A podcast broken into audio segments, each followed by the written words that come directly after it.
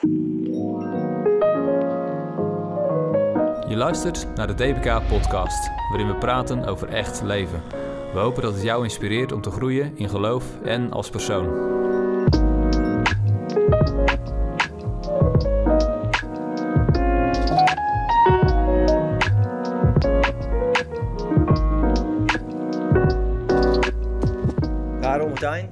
Welkom bij uh, wat alweer de derde podcast is. Ja. Vandaag gaan we het hebben over uh, acceptatie of aanvaarding. En Martijn, ik heb eigenlijk de vraag aan jou om mee te beginnen. Waarom is dat eigenlijk nou zo'n relevant onderwerp in jouw ogen? Ja, als ik uh, om me heen kijk, dan zie ik heel veel mensen, zeg maar, tegenwoordig, juist in deze tijd, gewoon struggelen met, ehm, met acceptatie. Kijk maar naar de Facebook-profielen van mensen, naar uh, Instagram-accounts, um, misschien naar je eigen gevoel hierin. Mensen zijn voortdurend bezig om geaccepteerd te worden uh, door de ander. En eigenlijk is dat een gevecht wat je gewoon, ja, wat je nooit kan winnen. En uh, ja, vandaar gewoon de keuze voor het onderwerp acceptatie of aanvaarding. En in deze podcast gaan we gewoon zien wat het verschil is en waarom dat zo ontzettend belangrijk is om dat uh, te onderkennen. Juist. Hey, en uh, heb je zelf ook een persoonlijk verhaal daarover? Want je zegt van ja, kijk, kijk, herken daar wel dingen in. Kan je er iets over vertellen? Ja, mensen die onze eerste podcast hebben geluisterd, die kennen het verhaal natuurlijk een beetje van uh, uh, de manier waarop en de tijd waarin ik tot geloof kwam. Uh, en als ik dat voor mezelf terughaal, dan ehm, zijn er een aantal sleutelmomenten in mijn leven geweest die, ja, die me dit nu achteraf hebben doen beseffen. Ehm, dan denk ik vooral aan de keuzes die ik gemaakt heb zeg maar, in de eerste periode van mijn leven. Beroepskeuzes, Um, keuzes in hoe ik de dingen deed die ik deed. Uh, een van de, ja, de grootste keuzes, mijn grootste ontwikkelperiode is denk ik mijn, uh, mijn periode als marinier geweest. Dus mijn keuze voor het Korps Mariniers om daar te werken. Um, Wat te zien trouwens aan die spiegel. Ja, ja. Dank je. en, um, nou, die keuze daarvoor, wat, achteraf bezien, is dat echt om geweest om iets te bewijzen aan, aan de mensen om me heen, aan, uh, ja, misschien vooral aan mijn vader, om te laten zien dat ik toch wel iemand was. En uh, wat ik achteraf heb gemerkt is dat hoezeer je jezelf, hoezeer je daar ook je best voor doet. Dus op een gegeven moment werd ik volledig geaccepteerd binnen het Corps Mariniers als uh, sterke gast, zeg maar, als, uh, nou, gewoon als marinier. En dat zelfs dat geen voldoening geeft. Maar je had wel het gevoel dat je volwaardig meedeed, zeg maar. Ja, absoluut. Ik werd daar volledig geaccepteerd. En, um, alleen ja, toch, toch is er een soort van leegte in jezelf. En waar ik eigenlijk bij mezelf tot ontdekking kwam, is van, um, ja, hoe komt het nou? Hoe komt het nou dat je toch geen voldoening aanvaardt, ondanks dat je jezelf wel volledig geaccepteerd weet? En eigenlijk is dat gewoon omdat je niet doet waar je voor gemaakt bent. En dat, uh, ja, achteraf bezien is dat eigenlijk de ontdekking die, uh, die ik daar heb, uh, heb gedaan. Ja. ja. En waar kwam dat in tot uiting? Je zegt van, nou ja, ik deed iets waar ik eigenlijk niet voor gemaakt was. Uh, is dat alleen bij de mariniers of was je ook bij de politie daar een ervaring mee met zoiets? Ja, het is, kijk, het is vooral de onvrede die, je, die je innerlijk ervaart. En nou, je vraagt nou een concreet voorbeeld, ja, bijvoorbeeld uh, nou, bij de politie. Ik weet nog dat ik op een moment uh, dat we een melding kregen dat er een, een, verdachte persoon met een wapen in de auto zat. En wij waren de auto die die, ja, die, die persoon onderschepte. Dus dan volgt er een uitpraatprocedure. En ik stond daar met het wapen in mijn hand, gericht op, uh, op die persoon, op die auto. En op dat moment besefte ik gewoon van... Um, waarom laat mijn collega mij aan het woord? En waarom ben ik hier degene die de bevelen roept? En waarom weet ik van mezelf dat als het fout gaat, dat ik zal handelen, dat ik ook zal schieten? Um, omdat dat de rol is die ik hier aanneem. Ik, uh, ik ben een rol aan het vervullen, een verwachtings, uh, eigenlijk aan het voldoen aan een verwachtingspatroon. En dat, en dat is waarom ik het doe. Maar tegelijkertijd voelde ik heel sterk van binnen, maar eigenlijk ben ik gewoon heel erg bang. En eigenlijk wil ik dit helemaal niet en past dit helemaal niet bij me. Dus die, hè, het, om het concreet te maken, het overhalen van die trekker uh, paste perfect in de rol die ik speelde, maar niet in wat ik ten diepste wilde. Ja. En achteraf bezien is dat echt wel een sleutelmoment geweest. Um, ja, eigenlijk waar ik na mijn bekering, nadat ik tot geloof kwam, heel vaak aan terug heb gedacht van ja, ik vervulde een rol. En daarom voelde dat zo, uh, zo oncomfortabel. Ja. ja. Ik denk dat voor heel veel mensen wel herkenbaar is. Ja, ja precies. Ja. ja. Hey Karel, um, jij bent coach.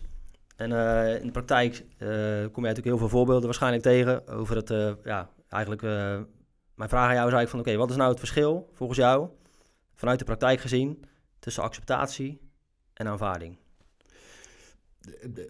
Dat, heb ik allereerst ontdekt, niet zeg maar omdat ik mensen coach, maar dat heb ik allereerst ontdekt in mijn eigen leven. Ja, eh, wat, wat Martijn vertelt, dat is zo herkenbaar. Want acceptatie heeft altijd te maken met doen. Ik moet iets doen om geaccepteerd te worden. Zelfs als ik mezelf wil accepteren, moet ik nog iets doen. Aanvaarding heeft te maken met zijn. Daarom vind ik het zo prachtig dat de Bijbel zegt um, op een gegeven moment: aanvaard elkaar zoals Christus jullie aanvaard heeft. Er staan niet accepteer elkaar zoals Christus jullie geaccepteerd heeft. Het is zo bijzonder om te gaan ontdekken dat God ons niet geaccepteerd heeft, maar hij heeft ons aanvaard. Dat betekent dat hij never vraagt van ons om tot een bepaald niveau te komen, iets te doen. Nee, zegt hij.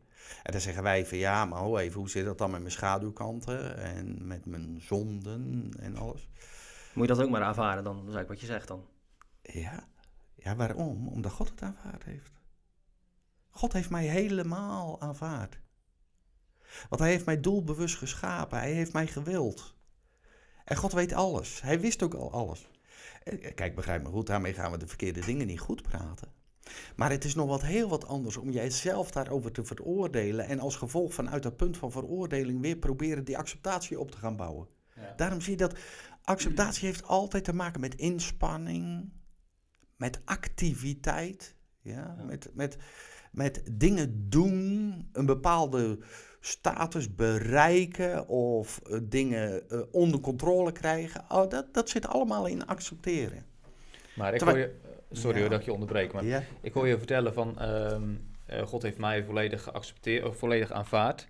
Ehm, zelfs met alle schaduwkanten van mezelf.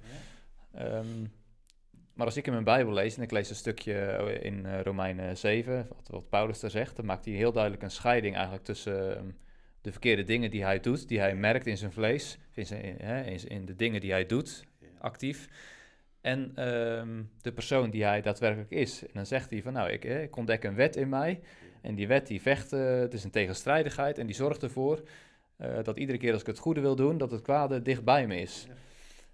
En dan uh, zegt hij eigenlijk als slotsom van, dus trek ik hieruit de conclusie dat ik zelf niet meer die zonde doe, maar de macht van de zonde die in mij is, die doet die zonde.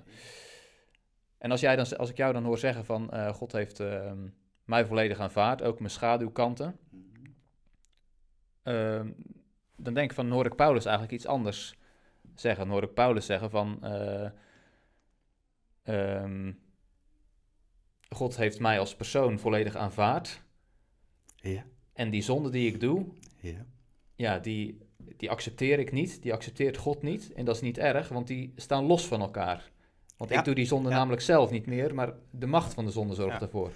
Ja, ja dat, dat, dat, is een heel mooi onderscheid wat hij aanbrengt. Uh, zeker vanuit dat stukje van Paulus.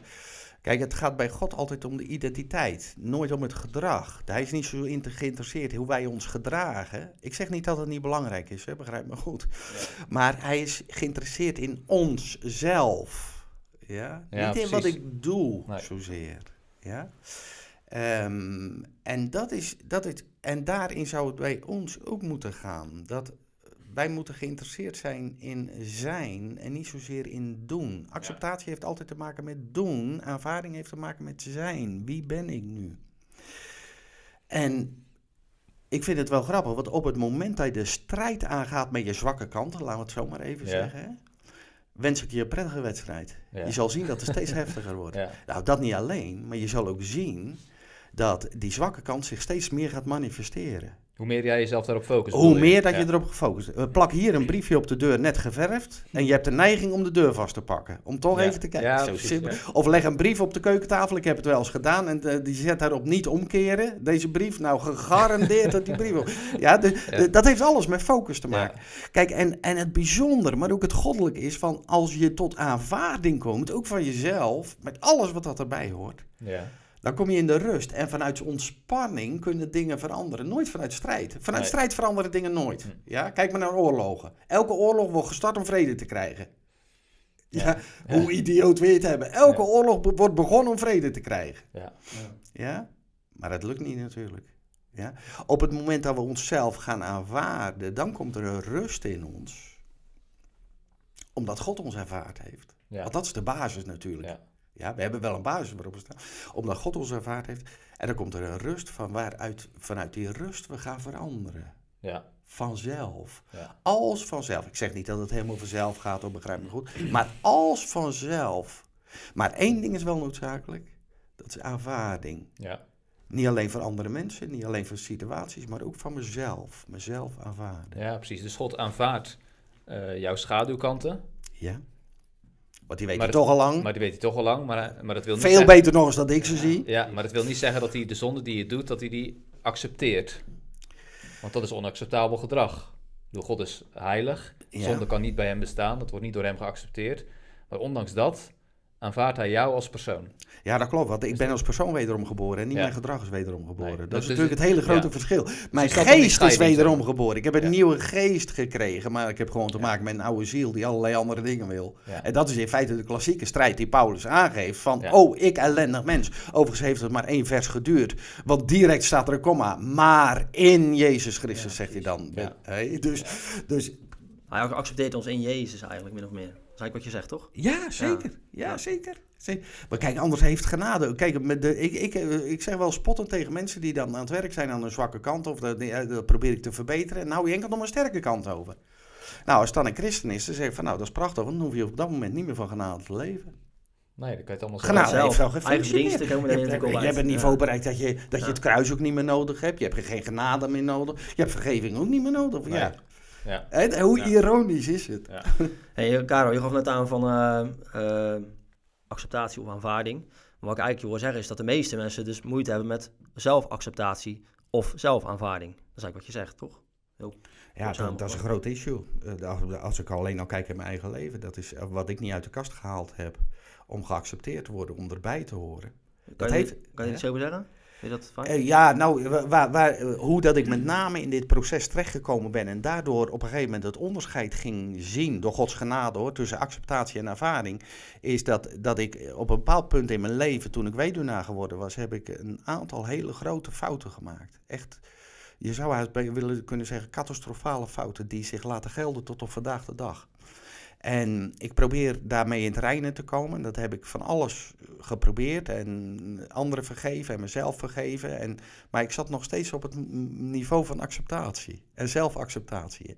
En, en het grappige is dat het niveau van zelfacceptatie laat altijd nog een rest van onvrede. Ja. Nooit die volledige vrede. Totdat ik ging beseffen dat God zegt van joh, maar luister, aanvaard het maar wat dat er plaatsgevonden is. Aanvaard die foute keuzes maar. Oké, de gevolgen die nemen we niet weg, hè? Zo, zo werkt het ook. Maar aanvaard het maar, want ik heb het toch al lang al gezien.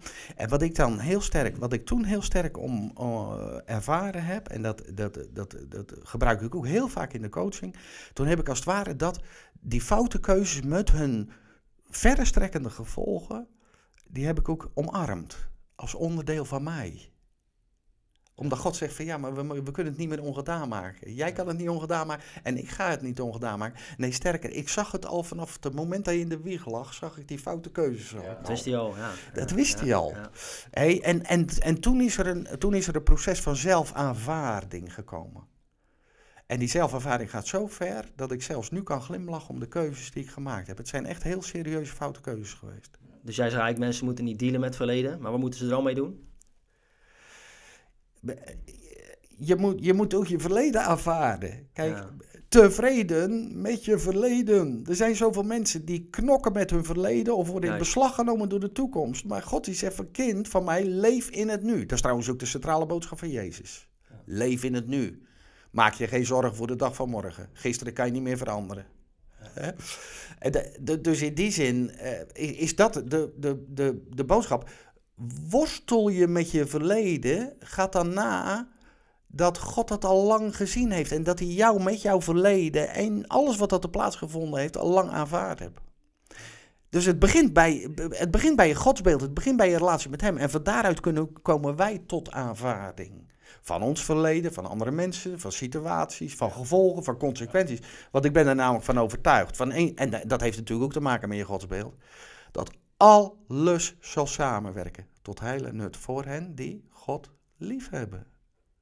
Staat, staat de Romeinen toch ergens? Romeinen... Ja, Romeinen 8 vers 28. Dat is een sleutel, die is zo ontzettend belangrijk. Maar hoe kan het dan dat, um, of hoe kan het dan, waar ligt het aan dat zoveel mensen zo bezig zijn met die acceptatie? Dus wat ik in het begin zei, weet je wel, van Facebook, Instagram, mensen zijn alleen maar bezig om geaccepteerd te worden. Ja, je ziet ook in de kerk zelfs eigenlijk. ja, ja, zeker. Ik moet, ik, moet, bepaald gedrag vertonen. In iedere subcultuur, weet je. Of dat je nou in de gereformeerde gemeente zit of in uh, evangelische, charismatische kringen. Mensen vertonen gedrag om maar uh, bij het clubje te horen. Ja, dat is ook de bron van schijnheiligheid. Ja, dat is een probleem. Maar waar, waar, komt het, waar komt het uit voort? Hoe komt dat? Nou, ik denk dat dat voortkomt uit het feit of hij nu gelooft of niet gelooft. Wij hebben allemaal diep ergens het gevoel van gescheidenheid. We zijn gescheiden van God. En dan gaan we weer terug naar de val in het paradijs. Op dat moment is er iets verbroken. Daarom zegt God, Adam, waar ben je? Wij praten over verloren mensen. Ja, God was iets verloren, vergis je niet. Hè? En God die komt naar de mens toe, die zegt, Adam, waar ben je? Want er was een gescheidenheid opgetreden. En Abraham zegt van, ja, maar ik was bang. Ja, waarom ben je dan bang? Ja, wat dit en dat. En dan kruipt hij achter de bosjes en noem maar op. Dus, dus dat gevoel van gescheidenheid, daar kunnen we niet mee leven. We zijn als het ware losgekoppeld van onze bron. Zo zou je het kunnen zeggen. En we doen er alles aan, alleen het probleem is, het ego neemt het stuur over in mijn leven. En die denkt van nou, als je nou van alles gaat doen en je komt tot een acceptabel, ja let op, acceptabel niveau, ja, dan hoor je er weer bij. Dan ben ik niet meer gescheiden, maar het is natuurlijk een grote leugen. Want je blijft gescheiden. Dus je bent tot het moment dat je Christus aanvaardt. Ja. Je accepteert het offer van Christus niet. Nee, je aanvaardt het. je accepteert het kruis niet. Nee, je aanvaardt het. Je accepteert God niet als vader. Nee, je aanvaardt hem als vader. Ja. Dus wat mensen eigenlijk uh, aan het doen zijn, zolang je bezig bent met acceptatie, is dat je eigenlijk continu ben je zelf een transactie aan het, uh, Aan, aan het doen, zeg maar. Dat is een mooi woord, ja. Je bent continu bij jezelf uh, iets aan het betalen om maar te krijgen wat je wil hebben. Ja, klopt. Maar, maar en dat is niet wat je zou moeten doen. Maar gaat het dan ook zover dat iemand die niet gelooft, die niet gelooft in dat de Heer Jezus voor zijn zonde is gestorven, gaat het dan ook zover dat, dat zo'n persoon ook niet kan aanvaarden? Gaat het zover? Poeh, poeh, poeh. Dat vind ik, dat, nou, weet ik niet. Ik heb wel boeken gelezen van mensen die absoluut niet uh, Christus aanvaard hebben, maar die toch tot een hele hoge vorm van bewustzijn gekomen zijn, waardoor ze, ze zichzelf aanvaard hebben. Dus dat, dat, laat ik zo zeggen, dat is niet, het is niet een exclusief voorrecht voor kinderen van God. Nee, precies. Het is wel zo dat wij een gigantische voorsprong en instrument hebben, om het zo maar te zeggen. Wij hebben een gigantische basis. En, dat hebben we eigenlijk in Jezus gekregen. Ja, precies. In een liefhebbende vader.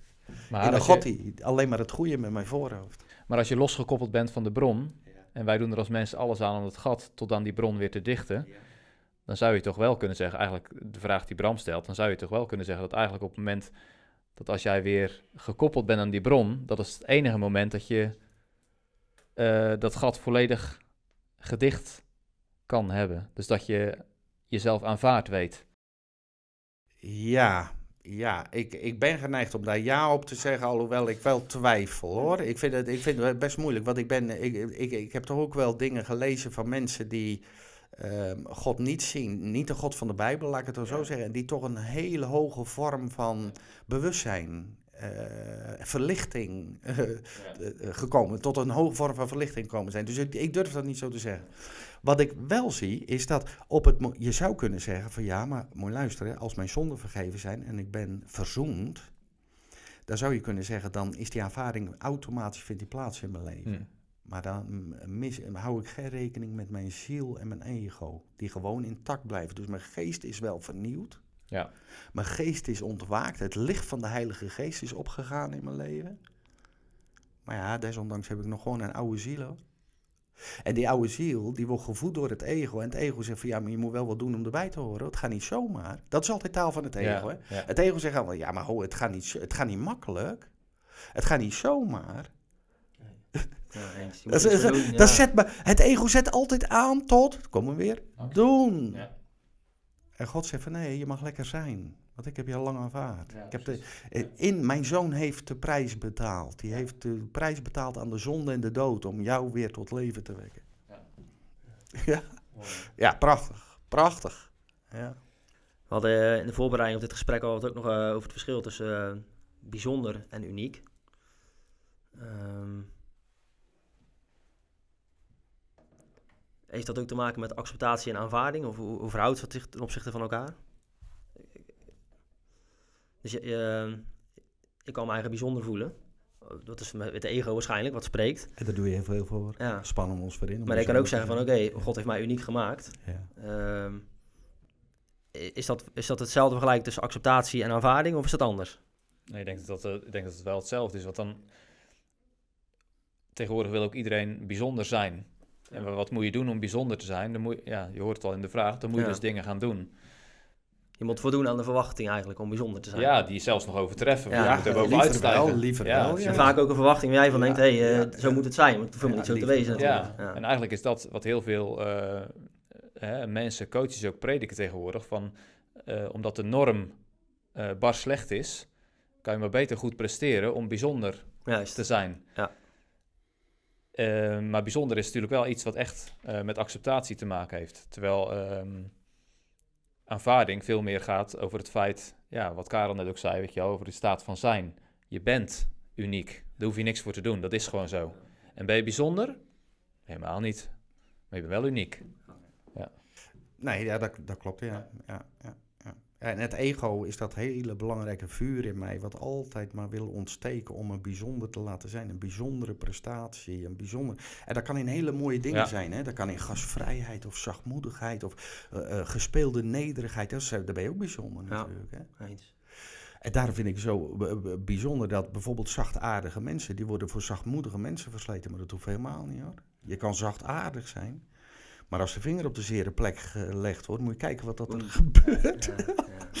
hey, dus dat is altijd maar weer bijzonder. Ook bijzonder geestelijk. Dat is natuurlijk de doodsteek van de kerk en de gemeente, van, van, van de Heer Jezus. Doodsteek om, om bijzonder geestelijk te zijn. God heeft wel gezegd en ik, hij heeft tegen mij gesproken en hij zei tegen mij en dat soort dingen. Nou, bijzonder, want ik kan zijn stem verstaan. En daar zie je ook een hele hiërarchie opgebouwd. Toch? Ja. Want die het hoogst in de hiërarchie staat, staat toch wel het dichtste bij God. Die heeft het meeste van hem begrepen, het, meeste openbaring. Ja. die is het meest bijzonder. Ja, ja. Het, is, het is, als je er zo naar kijkt, is het lachwekkend natuurlijk.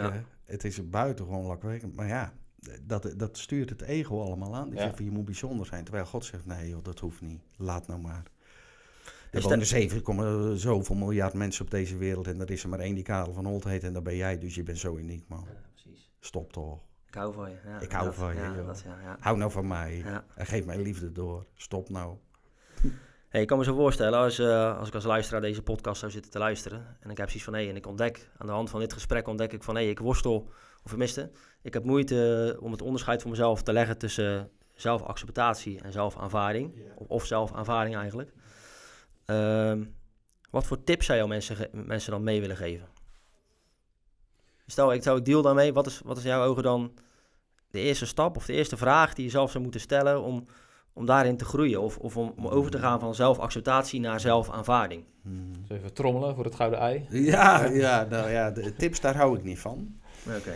Uh, want uh, als ik mijn leven baseer op tips en trucs, dan gebeurt natuurlijk erg veel. Dat op het moment dat er iets ernstigs plaatsvindt, of als ik geconfronteerd word met iets ernstigs, dan zak ik gewoon door het ijs. Dus dat heeft allemaal niet zoveel zin. Dan werken de tips niet. Eh, nee, dan werken, nee, dan werken tips niet. Dat zie je ook in de coachingspraktijk. Dat zie je in een heleboel dingen. Tips werken dan niet, want dan word ik helemaal teruggeworpen op mezelf. Juist.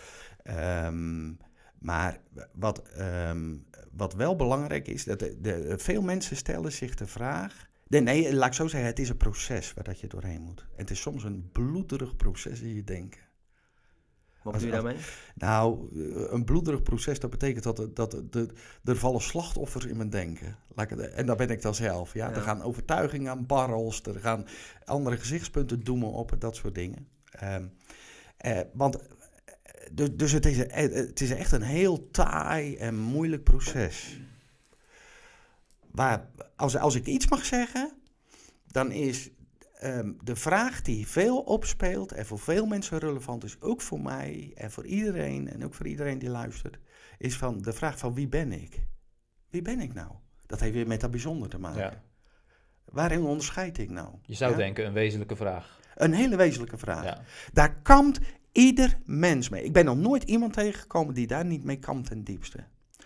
Maar, en dat is het mooie, en dat leidt dus tot acceptatie, tot doen en tot ze allemaal presteren en weet ik het wat allemaal. Terwijl uiteindelijk de vraag bij God vandaan is dat hij zegt: maar ja, maar ho even, van wie ben je? Dus niet wie, wie ben ik, maar van wie ben ik? En op het moment dat ik die vraag kan beantwoorden, van wie ben ik, kom ik tot ontdekken dat er een schepper achter mijn leven staat, dat ik doelbewust geschapen ben, dat ik een levensmissie te volvoeren heb met al mijn fouten en beschaduwkanten. Maar daar kijk God dwars doorheen, want die heeft mij aanvaard wie ik ben, niet wat ik doe. Ja. En daarom zie je ook in heel de Bijbel dat die mensen met de meest uiteenlopende zonden en gebreken gebruikt tot een geweldig doel. Ja, en dat, dat is, ja. dus van wie ben ik? En dat zorgt dan voor een basis waar je op kan staan. En op het moment dat er een moeilijke situatie of een trauma of een droom breekt in je leven, zie je dat dat tips en trucs die verdwijnen en zak je door het ijs. Maar als je dat als basis hebt, dan is dat juist, wordt het alleen maar steviger, want daar mag je op gaan staan. Ja. Eigenlijk net als ja, een voorbeeld wat nu uh, bij mij binnenkomt, is dan van uh, het voorbeeld van David. David zou niet een man zijn die in, uh, in heel veel kerken aan de avondmaalstafel welkom zou, zou zijn. En toch hè, met al zijn zonden, met al zijn gebreken. En toch zegt God van hem van, en toch ben je een man naar mijn hart. Je, je, je hebt een hart wat gewoon hetzelfde is als mijn hart. Dus ja, dat, er zit voor mij wel dit, dat aanvaarding in. En dat David weet van, oké, ik, ben, ik ben van God. Het zit er niet in wat hij deed, wat hij deed dat hij overspel heeft gepleegd, dat hij moorden heeft gepleegd. Nee, dat klopt. Dat God gewoon weet wie die is. Ja. ja. Ik, ik zou zomaar een aantal bij, de tijd is er niet voor, maar ik zou zomaar een aantal Bijbelse figuren over Jacob die veranderd wordt in Israël, ja, over uh, Saulus die veranderd wordt in Paulus bijvoorbeeld. Uh, hoe, hoe, hebben die hun verleden geaccepteerd of aanvaard? Ja, dat is een, bijvoorbeeld een mooie vraag. Ja, ik denk wel dat Paulus het aanvaard heeft. Als ik, zo, ik denk het uh, wel. ja. David was een moordenaar. En, uh, Mozes was een moordenaar. En Paulus was ook hier. Heb ook geholpen om iemand te vermoorden. Hebben ze dat, nou geaccepteerd? Of hebben ze dat aanvaard? Dat is, mooi. Maar goed. Ja. mooi. Nog uren stof genoeg om over door te praten. Ja, zeker. Ja, ja. Bedankt. Jij ook bedankt.